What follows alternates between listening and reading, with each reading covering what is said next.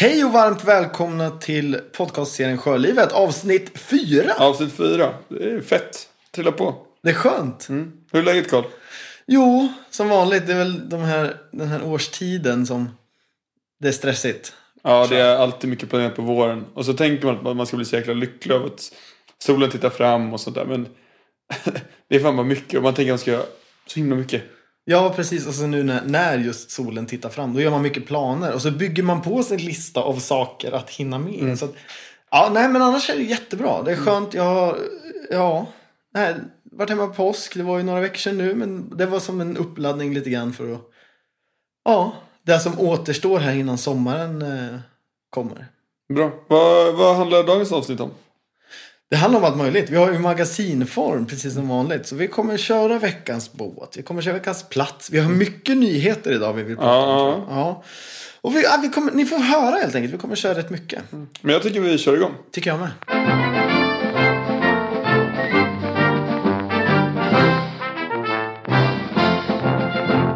Tråkiga nyheter Karl. En, eh, en brittisk seglare, Sarah Young, vart eh, spolad över bord under en, under en amatörhavskappsegling som heter Clipper Round, the World Race. Som fungerar så att man, eh, man, man pröjsar så får man vara- med och segla. Och hon hade seglat långt med. Eh, hon hade gjort nästan halva racet. Och sen när hon var uppe och jobbade i sittbrunnen och fixade ordning med tamparna så kom en våg.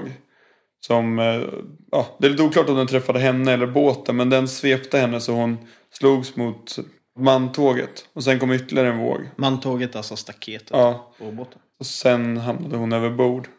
Och det gick rätt fort där. Det, det tog bara, ja, antagligen så strök hon med ganska fort på grund av hypotermi eller något liknande. Man vet inte, man har inte hunnit undersöka det där än. Och det ska väl utredas ordentligt. Har man hittat hennes kropp? Ja, ja de, de fick tillbaka henne ombord igen. Försökte, alltså utförde hjärt och lungräddning men hon kom inte igång. Så de, de seglade med henne ombord då till på väg till land. Nu medan vi läser det här så är de inte än i land och det är väl inte helt klart än vad som ska hända. Och det, det är ju fruktansvärt tragiskt. Det, det man är jättefundersam är varför hon inte var fastkrokad. För de är tydligen, de utbildas en hel del inför det här. Och det de alltid är, steg ett, säkra dig i båten. Alltså det här är andra dödsfallet i tävlingens historia. Jag tror att det är, det har hållit på i, i 40 år. Det skedde ett dödsfall förra året i september. Ombord på samma båt.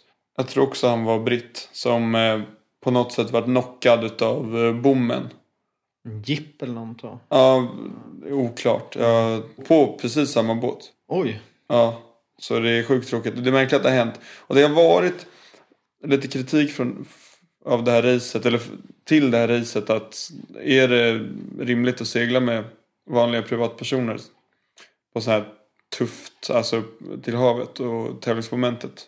Det finns säkerhets, säkerhetsaspekter som ifrågasätts. Det förstår jag. Ja, och det kommer ju belysas det här mer. Och varför det egentligen är så farligt då att inte vara säkra. Det kan ju vara då till exempel som hände henne. Att hon slog i någonting, slog i huvudet och åkte över bord. Men sen är det ju det här också att, att framförallt när du är ute på havet och det är större vågor. Och framförallt då kanske också om det är mörkt. Att åker över bord. Om du slår i huvudet eller ej spelar ingen roll. syns inte. Du syns inte. Det är jättesvårt att hitta dig igen. Är du en, två vågor bort. Då kan det vara omöjligt för dem på båten att ja, hålla koll på dig och hitta tillbaka dig. Liksom. Så att det är extra viktigt i egentligen så fort du, ja, egentligen alltid höll jag på att säga, men framförallt i stor sjö då kanske, att säkra sig. Ja usch, det här, det här är allvarliga grejer alltså. Det här, man ska ta försiktigt. Så gör ni som lyssnar, alltid flytväst på. Alltid. Ja, och och på natt- nattevis säkra er också. Ja, verkligen. Vi går vidare till nästa nyhet som vi tänkte prata om och det är också inte heller så kul. Utan Nej. det här är ju Det är ju så här att utanför Taiwans norra kust så är det ett skepp som heter TS Taipei. Ett fraktfartyg som hade, fick motorproblem. Kunde inte styra sin båt och gick på grund helt enkelt. Så de eh, tog in vatten och nu har de alltså läckt olja. Oerhörda mängder olja och farliga ämnen egentligen ut i vattnet. Men det var, det var inte ett oljefartyg, eller hur? Nej, in, nej ett, alltså fraktfartyg med containrar på. Sen är jag inte hundra på vad de fraktade exakt. Men det, de har det som har hänt helt enkelt är att de har gått på grund, båten har i princip gått av. Vi kommer posta en video på det här på inlägget här som ni kan läsa samtidigt eller se samtidigt. Och där ser man då att båten är i princip av på mitten. Och det har läckt ut massa olja och det, den, de första nyheterna som kom om det här var ju liksom att att den taiwanesiska regeringen inte riktigt reagerade och det var mycket, det var frivilliga, frivilliga organisationer som hjälpte till och sådana här saker. Eh, men de lyckades ändå sätta upp sånt här, vad, vad kallar man det? Som nät? Höll jag Ja, på att säga. det är något, något, något, som man lägger ut några korvar som gör att oljan inte kan sprida sig. Precis, så de, ja, vad säger man på engelska, eller på svenska, contain, de, eh, Håller inne, innesluter. ja precis, de, de skyddar liksom från att det ska spridas helt enkelt. Det svåra med det här är ändå, de gjorde det här, men tack vare att det är så pass stor sjö, eller var så pass stor sjö, så var det väldigt svårt att ändå behålla all olja inne i, i Så stor sjö, du, det får du förklara igen. Vad sa jag då? Så stor sjö. Ja men så stor sjö, alltså hårda vågor, höga vågor, stora vågor, mycket vind. Vilket gör att det här skyddsnätet inte riktigt skyddar från att, eller håller liksom inte inne oljan tillräckligt bra. Så att det lyckas ändå spridas. Och nu återstår väl att, att se lite nyheter här om hur det faktiskt kommer att gå. Ja, det är jobbigt att höra. Förra veckan pratade vi om örnar som eh, började, ja de Återhämta sig. och sälar. Och sen så händer sådana här saker där man känner att shit, eh, det här är inte bra. För det här är väldigt, väldigt dåligt för naturen. Men det var rätt häftigt för att den här filmen vi kommer lägga upp då. Det var ju någon snubbe som var där väldigt tidigt med en drönare. Som, eh, som man flög ut med till, eh, till vraket och filmade. Det är väldigt häftiga bilder men det, det är också ganska starka bilder. Ja, så där kan ni gå in på sjölivet.se. Eller jourlivet.se, det funkar lika bra. Men där i flödet kan vi i alla fall eh, titta på den här videon vi pratar om. Vi har några fler nyheter, Oskar, som jag tänkte att vi skulle... Ja, Prata om. eh, sjösättningen närmar sig ju allt mer.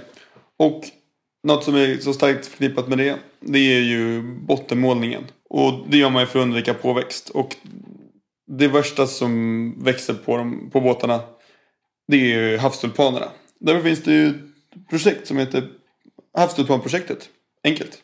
Havstulpan.se. Eh, det går ut på att man skriver upp en sms-tjänst eh, vart eh, man har båten någonstans och Ja, det man gör. Så får man ett sms när havstulpanerna när de släpper ut sina larver.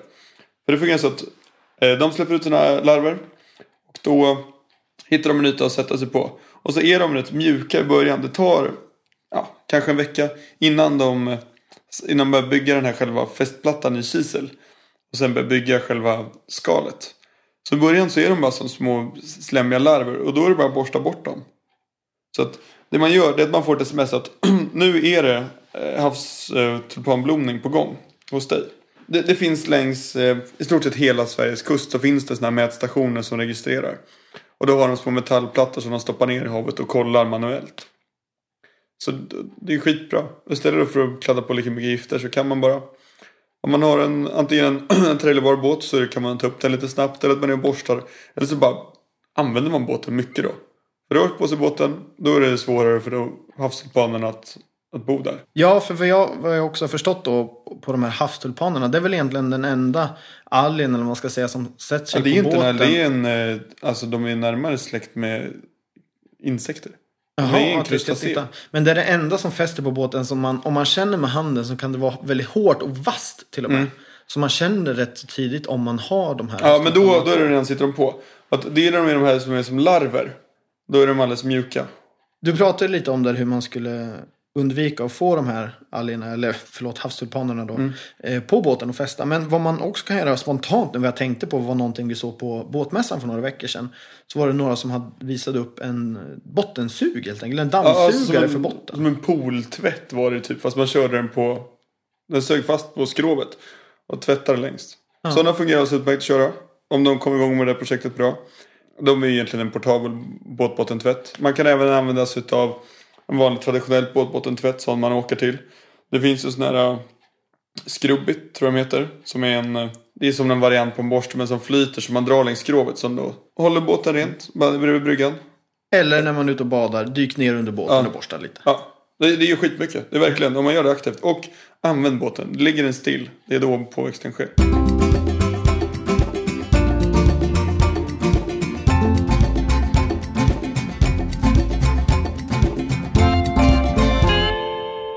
Varje vecka så har vi ju ett ämne som vi kallar veckans båt.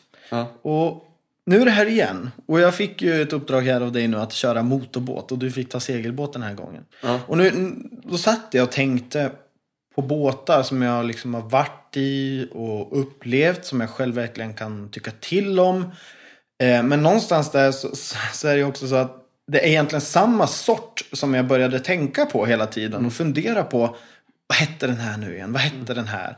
Och sådana här saker. Och det jag egentligen kom på är att alla var styrpulpets. Ja. ja, rimligt. Så jag tänker att veckans motorbåt är styrpulpets. Och det kan vara egentligen allt ifrån de här gamla hedliga Uttern eller Crescent eller Ryds. Eh, En crescent som jag säger. som du säger. Ja, styrpulpet. Kan inte du förklara vad en styrpulpet är? Ja men det är ju en, själv, en pulpet. Det är en, som en liten, en grej där ratten och, eh, och gasreglaget sitter på. Och i övrigt så är det en, en helt öppen båt. Oftast med en bänk längst bak. Kanske en bänk längst fram och en bänk i mitten. Men eh, ofta plast eller aluminium. Båtarna. Med en eh, liten utombordssnurra på typ. Kanske 30 hästar. Alla har, det finns den här båt på alla landställen. Vi har haft, jag tror inne på tredje eller fjärde på vårt landställe. Så er som kanske inte då är med på vad vi förklarar här. Så tänk er alltså en vanlig roddbåt. Lite, lite större med en motor på och ratt egentligen. Ja. Det är typ det som är skillnaden. Ja. ja. Fantastiska båtar. och det finns ju allt ifrån de här gamla hedliga Uttern och de här upp till de nyare. Vad, finns det? Anitech, eh, Buster, Goldfish. Ja, Det det, är det, det, är liksom, gränsen går, är oklart. Men det är, Du kan, du kan hitta en, en vettig sån båt från 15-20 000 upp till en miljon. ja, ja. Det finns, ing, det finns ingen, inget stopp. Nej, verkligen inte. Och, det är, och båtarna är i regel enkla. Det är motorn som, som pengarna ligger i på dem. Och trailer bara. Det är inget som helst konstigt och, med, med underhållet. Det är bara Nej, kladda på lite det är lite det som gjorde att jag ville ha med det här. För att det är en, en väldigt bra båt på många, många sätt. Och det är just det här som du nämnde nu, att den är trailerbar. Vilket innebär egentligen att den är väldigt lätt att äga. Du behöver inte ha någon specifik plats här och där. Utan du kan traila upp den och ställa den på garageinfarten. Om du nu har en stor garageinfart vill säga. Men om, om du har något, någonstans att traila upp den lite snabbt och kör hem den. Eh, det som är smidigt också är att du, du får plats mycket folk. Du kan lasta mycket. Eh, den är extremt bra för dagsutflykter. Ja. Ska du, vissa till exempel om du har en större motor på den. Inga problem att köra vattenskidor eller åka ring. Eller sådana dylika saker. Och det går till och med så är det så att det går ju till och med att ro den. Ja, ja, motorn skiter sig. Ja. Fiska från allt. Svinhärliga båtar. ja, men visst är det det? Mm. Gjorde jag ett bra val ändå? Ja, folkligt. Ja, så styrpuppet, det, det, det kan vara en jättebra första båt. För dig som är intresserad och kanske börjar fundera lite grann på att skaffa en. Och då är det en bra start och du kan som sagt hitta en för 15-20 000 eller ja, uppåt. Och jag tänkte ju med, med segelbåten tänkte jag, när du nämnde det så ville jag också ha något, något folkligt, något brett. Och då kom jag att tänka på folkbåten. Som måste vara en av de ja, folkligaste segelbåtarna som vi har. Det är kanske därför den heter folkbåt. Ja, det är, det är 4000 båtar byggda. Och de första båtarna byggdes på 40-talet. Ritades utav eh, Tord Sundén. Och finns både i trä och plast. Och tanken var just att det skulle vara någon typ av eh, båt som skulle fungera över hela Norden för nordiska förhållanden. Med en eh, lång köl med bly. Tåla så alltså att man går på lite. Eh, inte jättemycket segel på. De säger att de går bäst i 10-12 meter. Eh, så så det är rätt mycket vind. Det är ett år de tuggar på trevligt. Och de är stabila, seglar bra. Och det är en rätt aktiv klass också. Det seglas SM i dem och folk tränar mycket och det finns många båtar som är bra, som satsar hårt. Och att- att det är både trä och plastbåtar som kör mot varandra är skithäftigt. Och att reglerna är gjorda så att den, man får inte bygga plastbåtarna hur lätta som helst. utan De måste vara lika tunga som träbåtarna. Vilket gör att träbåtar kan också vinna. Och att det är så hård tävlingsklass gör att det, det finns segel och grejer som sys upp nya i ganska stor mängd. Som gör att det är lätt att få tag i begagnade segel. Det här är också en skitkul båt att köpa ett gäng polare ihop och ha över sommaren eller ha som ett projekt eller ja. Men hur, hur stora är de här ungefär? De är inte så stora. De är ju bara 7,6 meter långa. Eh, sticker 1,20 och så väger de ja, ungefär 2 ton. Och när Oskar säger sticker 1,20 så menar han att den går 1,20 djupt. Ja, Alltså under ja, vattenytan. ja, precis. Bra koll. Vad ligger de på pris ungefär? Ja, men säg från kanske en 20-25 och uppåt. Beroende på hur händer det. Hur jävligt händer kan du nog få en. Om du vill ha ett riktigt Ja, men det är alltid sådär. Jag jag fick ett sms häromdagen av en kompis i Göteborg som, som skickade en bild helt enkelt på en båt som stod på land och så bara Vill du ha? Ja. Frågetecken. Man bara nej. Nej, den såg inte så pigg ut. nej. Men så är det ju idag. Är du tillräckligt händig och vill ge dig på ett projekt. Men gör det då. Ja. Jag har en kompis som, i Vadstena som köpte en, eh, jag vet inte ens vad det är för båt, en väldigt, väldigt liten trä, eller nej, inte ens träbåt. Eh, En väldigt liten plastbåt eh, för 6000 kronor. Och han har rustat upp den. Den är superfin och mysig idag. Han njuter ju guld i den där. Nu vill han väl byta upp sig till en liten större för den är väldigt liten. Men just det här att pilla lite, fixa lite. Om man tycker det är kul så. Jag har varit med och pillat ganska mycket på folkbåtar. För en polare gick med i gymnasiet har en. Jag var med och hjälpte till lite. Vi dukade om den. Alltså man, på, på däck så ligger en duk som man mättar med linolja. För att täta istället för bara trä. Um, men vi har lackat lite på den, pillat, lurat. Jag har tyvärr inte fått segla än. För att, utav force major, eller vad man säger. Det har varit otur hela tiden. Jag tappade rodret och var, seglen gick sönder typ så här veckan innan jag skulle få pröva. Det, det har varit mycket otur med det. här, Men en dag ska jag få med den. Och det är ju alltså båtar som varit med länge. Evert Taube har ju haft den. Just det, det, vad heter den? Det känns som att jag... Eh, hans hette... den är rätt känd. Ja, men ganska. Det är väl en, en av de mer kända. Den heter eh, Carmencita av Sjösala. Just det. Där har vi det. Och så han har ju seglat runt i, runt Sveriges kust med den där och spelat luta och druckit sprit tänker jag. Komponerat sånger. Jag ser väldigt vackra bilder framför mig. Ja, det är väldigt folkligt. Ja, en svensk idyll. De är skitfina folkbåtarna. Verkligen rekommendera. Om man sover fyra pers i. Kan sova fem om en sover på durken. Botten på båten alltså. Ja, golvet. Vi fortsätter.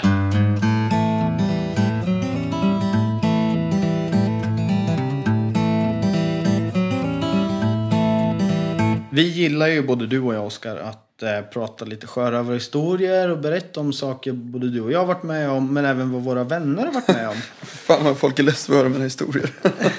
och en person du har nämnt är en kompis till dig, en tjejkompis som... Eh, ja, Ingrid Rodell. Just det. Och hon hade fått tag i en båt. Ja, hon och hennes syster fick, eh, fick en båt. De fick väl ärva. Eh, långt, långt uppe i norr, uppe i Luleå. Det är till och med nästan långt härifrån Umeå. Så de drog igång ett projekt. Tänkte bara, ah, men nu är sommar, nu jäklar. Nu vill vi få en båt. De startade ett Instagramkonto. De började planera för hela den här trippen. De började kolla upp mönster på olika tyger och dyner. Och, liksom, och bara veta, ja men det här ska vi göra. Snacka ihop sig med polare. Att, fan den här sommaren nu. Nu ska vi ha egen båt. Vi två. Men, ja. Som det är med gamla båtar. Saker händer. Ja, för de var ju med om lite saker här på vägen. Och vi ska inte säga, prata om det egentligen, utan det ska hon få göra. Ingrid Radell.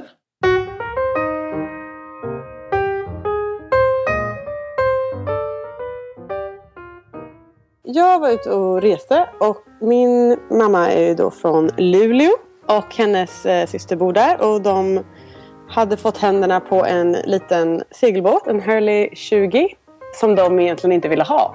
De hade haft segelbåt förut men det var inte riktigt deras grej och de hade massa annat. Så då hade de sagt att jag och min syster Helene fick ärva den om vi bara kunde forsla bort den från deras tomt. Och det tyckte vi var en supernice deal eftersom vi älskar att vara ute i skärgården och så. Men inte riktigt hade några pengar att köpa en egen båt. Så vi var ju eld lågor. Den här båten var då uppe i Luleå, utanför Luleå till och med, på Jämtöavan. Långt upp från vart vi befann oss, nere i Stockholm. Så vi tänkte att vi då skulle göra äventyret av det här och segla ner båten från Luleå eh, till Stockholm under sommaren. Jag åkte dit och den hade inte använts på fem år så vi städade den, eller jag städade den och inventerade lite och eh, började tänka på så här fina grejer man kunde inreda in där inne och skaffa nya gardiner. Mest allt det här små finfixet egentligen och kanske inte så mycket det praktiska. Bara för att det var det som vi tyckte skulle vara så mysigt. Och sen eh, åkte jag hem igen och så inventerade vi lite vad vi hade hemma i garaget och sånt där. Om vi hade något extra gammalt ankare eller lite tampar och sånt där. Men så då hade vi lite grejer och då hade vi till exempel en gammal gummijolle, så här, rysk gammal gummijolle som vi tog med oss upp nästa gång vi åkte upp. Och då var Helen med också. Och då hade vi fått träffa den här byåldermannen i Jämtavan, Göran. Och han hade en traktor. Så han hjälpte oss att sjösätta båten. Så det var ganska ruskigt väder där alltså. Det var inte så fin sommar eh, där i juni. Så det var ganska ruskigt men Helene och jag kämpade på. Vi mastade på båten för hand. Bar hela masten och eh, stoppade fast den. Och sen det saknades liksom en mantågsstött eh, grej. Och den var lite sådär halvbra. Men vi hade skitkul. Vi körde på. Och sen eh, kände vi oss ganska redo för att dra ut och börja äventyret. Liksom. Nu är det eh, strax innan midsommar, kanske 15 juni eller sådär. Vi hade hört några andra som hade seglat åt andra hållet och gjort det liksom i sträck tre, fyra dagar. Eh, eller dygn. Men eh, vi hade tänkt ha det ganska lugnt. Köra liksom typ tre veckor eller något. Så då, ja, vi var redo liksom. Vi hade gjort någon stor så här, äh, pastasallad som skulle räcka i typ tre dagar. Hade vi, det var verkligen så här. Vi hade verkligen tänkt på mycket kring, kring allt seglingsgrejer, allt det roliga liksom. Och sen så skulle vi börja puttra ut och då så, vi hade lämnat in vår motor som hade kommit med i båten. Eh, och de hade sagt att den var helt fine men den gick inte igång. Så då var vi lite skeptiska ett tag där. Och den här byåldermannen Göran fick kolla på den igen. Han sa också att den funkade. Så vi bara, ja det gör den väl då. Så provade vi igen och så gjorde den inte det. Och det var bara mycket tjafs bara kring det. Och en ny motor kostar ganska mycket. Vi insåg att det här känns inte så pålitligt. Till slut så bestämde vi oss ändå för att köpa en liten motor med det sista vi hade. Då kände vi så här, men nu är vi redo. Det här, nu, nu kör vi. Vi puttrade ut och min moster och morbror stod på bryggan och vinkade av oss. Och kom vi ut en liten bit och så satte vi upp seglen. Så vi gick från motorrorkulten till segelbåtsrorkulten kan man säga. Och då så märkte vi att eh, den tog inte. Den följde liksom inte. Vi, det gick inte att styra båten. Den, bara, den var helt lös. Så där hade vi liksom full fart fram med seglen uppe men ingen styrförmåga överhuvudtaget. Och Helen bara tittade på mig i panik för hon hade inte sett båten på land. Hon hade bara sett när den var sjösatt och bara Fanns det ens ett roder under? Och jag hade ingen aning. Jag hade väl inte ens tänkt på det. Det är väl klart att det finns det. Så jag bara, jag ingen aning. Och så ja, fick vi panik. Så fick vi reva seglen jättefort. Och så, det var liksom mega kaos. Och så, ja, vi fick ju putsa tillbaka och med huvudena sänkta liksom, komma tillbaka till moster och morbror. Och så Göran, vår byålderman, kom och fixade igen. Då fick vi ta upp båten på land på nytt och då kändes det som att gå till ruta noll. Och så fixade Göran rodret. Det, var, det fanns ett roder, det var bara att den inte hade... Den satt inte bra. Och så... Då så laddade vi om batterierna och eh, åkte hem för midsommar faktiskt. Och tänkte att nu tar vi en liten paus och laddar om batterierna. Så sen kom vi tillbaka när allt var fixat. Och var det bara, för då skulle båten funka. Så då satte vi oss och åkte ut igen. Puttra. Moster och morbror vinkade iväg. Och kusinen också den här gången tror jag. Och så kommer vi ut och den här gången så sken solen jättemycket. Det var verkligen så här, det hade varit en ganska ruskig försommar. Så nu var vi... Ja, det var, nu kändes det som att nu funkar motorn, nu funkar rodret. Nu, allt är bra. Och så solen skiner och så satte vi upp seglen och så stängde vi av motorn och så tog vi tag i rokulten och allting funkar. Och ni vet när man stänger av motorn de där första sekunderna och allt bara blir tyst. Och, så här, och solen skiner och vi bara kollar på varandra och bara så här, Yes, alltså, det här är livet. Nu jäklar kör vi.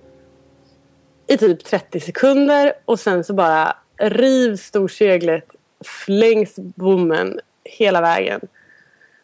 Och alltså vi bara kollade på, vi visste inte vad vi skulle, vi bara började skratta. Vi, det var som ett skämt.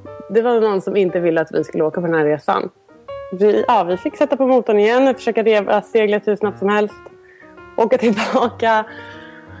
Vi satt där liksom när vi puttrade tillbaka och faktiskt mest skratta. Vi hade haft så himla kul ändå tillsammans, även om det hade gått så dåligt. Och funderade på om vi skulle bränna upp båten eller om vi skulle ta den till vårt landställe på någon kärra och skära av kölen och göra det till ett litet blomsterland istället. Eller sälja den på Blocket. Men jag sa till Helena att vi vill inte ens ha den här båten gratis. Det är väl ingen som kommer vilja köpa den för pengar egentligen. Men eh, det var ett kul äventyr.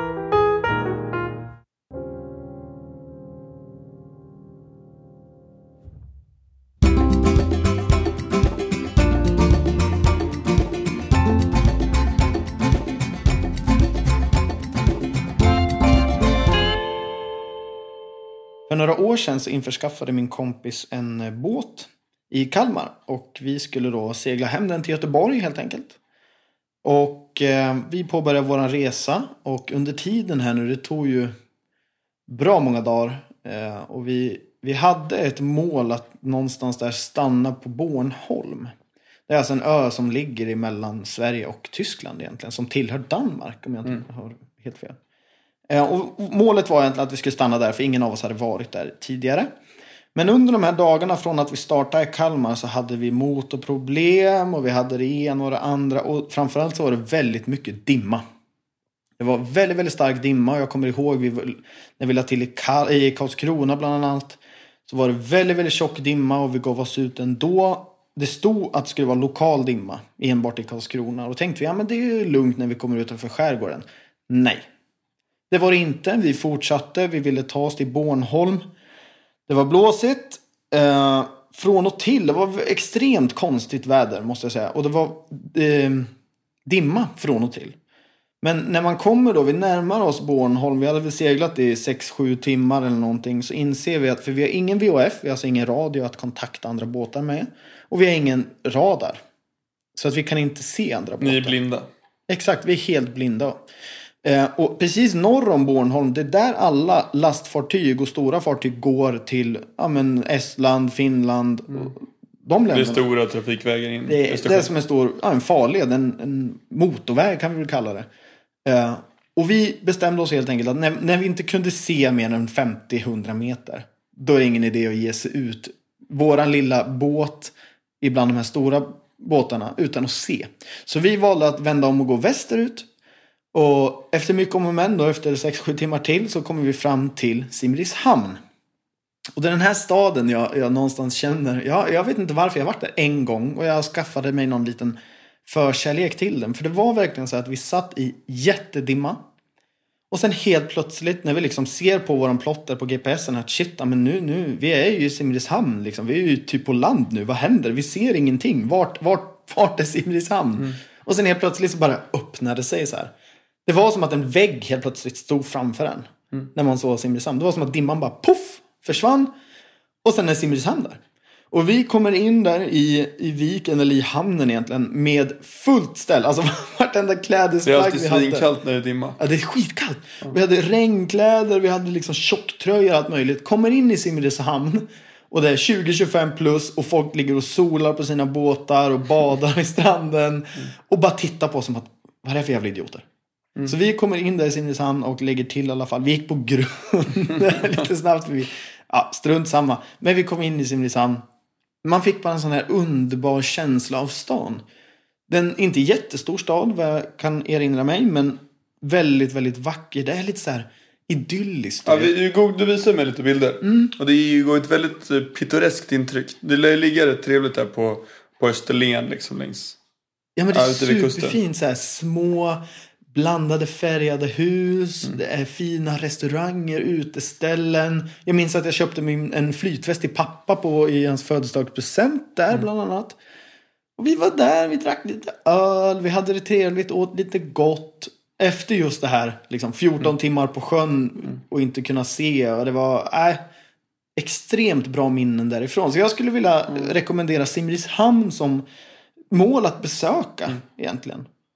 Och det är ganska skönt också så att hamna, eh, i och med att det ligger på fastlandet. Alltså vara på ett sånt ställe. Det, blir, det finns så mycket mer att göra än när du är på en ö. Då kanske det är bara det här museet eller den här badklippan eller det här. Mm. Är man ett gäng som varit ute ett tag och åka då till en stad. man kan sprida ut sig lite mer. Man kan göra saker. Man kan hitta på. Det händer någonting. Det finns, en, det finns kanske en bar. Det finns två bar. Det finns tre barer. Det finns två mataffärer. Det finns ett systembolag. Du kan åka på utflykter på ett helt annat Det sätt. finns stränder, det finns museum. det, finns folk. Ja, men det är så smidigt som du säger där att det är på fastlandet och att ja, man då kan hitta på flera saker. Så Simrishamn. Åk dit.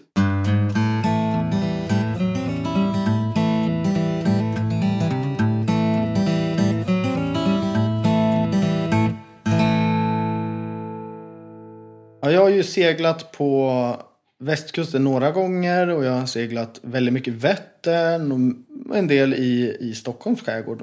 Eh, kanske då framförallt på Vättern och Stockholms skärgård. Men i sommar så ska jag till stor sannolikhet jobba i eh, Göteborg och det ser jag fram emot för sommaren för nu närmar det sig. Och jag ser fram emot att utforska lite mer av eh, västkusten helt enkelt. Jag har varit på Smögen, Orust, alla de här lite större ställena och Marstrand. Men jag vill utforska de här lite mindre, finare öarna som... Och få göra det själv också. Exakt. Ja, inte helt själv. Jag kommer, jag kommer ju ha lite polare med mig. Men, Ja, men Ja, men ja. härligt. Så det ser jag fram emot sommar. För nu närmar det sig. Har du något sådär du, du planerar att göra i sommar? Nej, sommar vet jag inte vad som händer. Det är oklart med jobben. Så att, eh, men alltså självklart, det blir Stockholm. Det är ju racet mellan La Morena och Marga. Kommer bli Stockholms skärgård. Jag tror vi ska över och köra Åland runt. Vet inte om det blir en race i Finland. Får se om jag är med och seglar båten också. Någonting mellan, mellan Motala upp till Stockholm. Det är det. Sen blir det lite segling med polare. Jag vet eh, ena kompisen, hans pappa har precis köpt en CB66 racer.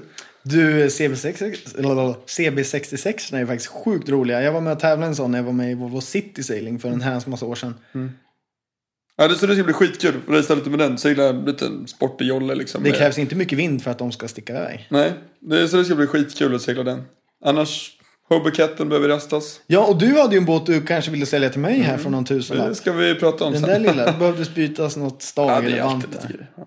Fin röd. Röda Baronen heter den. Att heter det, då måste jag nästan köpa den. Ja. Ja, lite, det, jag vill ju åt det där lite grann som vi pratade om tidigare. Just det här med, att, med folkbåten. Att, att man kan ju hitta båtar i princip gratis. Om man bara vill pilla lite. Och jag är lite ute efter det Det där. är trevligt att pilla också. Ja, och den här som du då kanske vill sälja till mig. är Trapezjolle. en trapezjolle. Och den, den är ju väldigt liten. Så att det- det är ju lättare att, att jobba med för mig än att ha en större båt. För jag, Det är ett jag, lättrott projekt. exakt, jag ställer den på mamma och pappas trädgård och sen, sen kör jag liksom.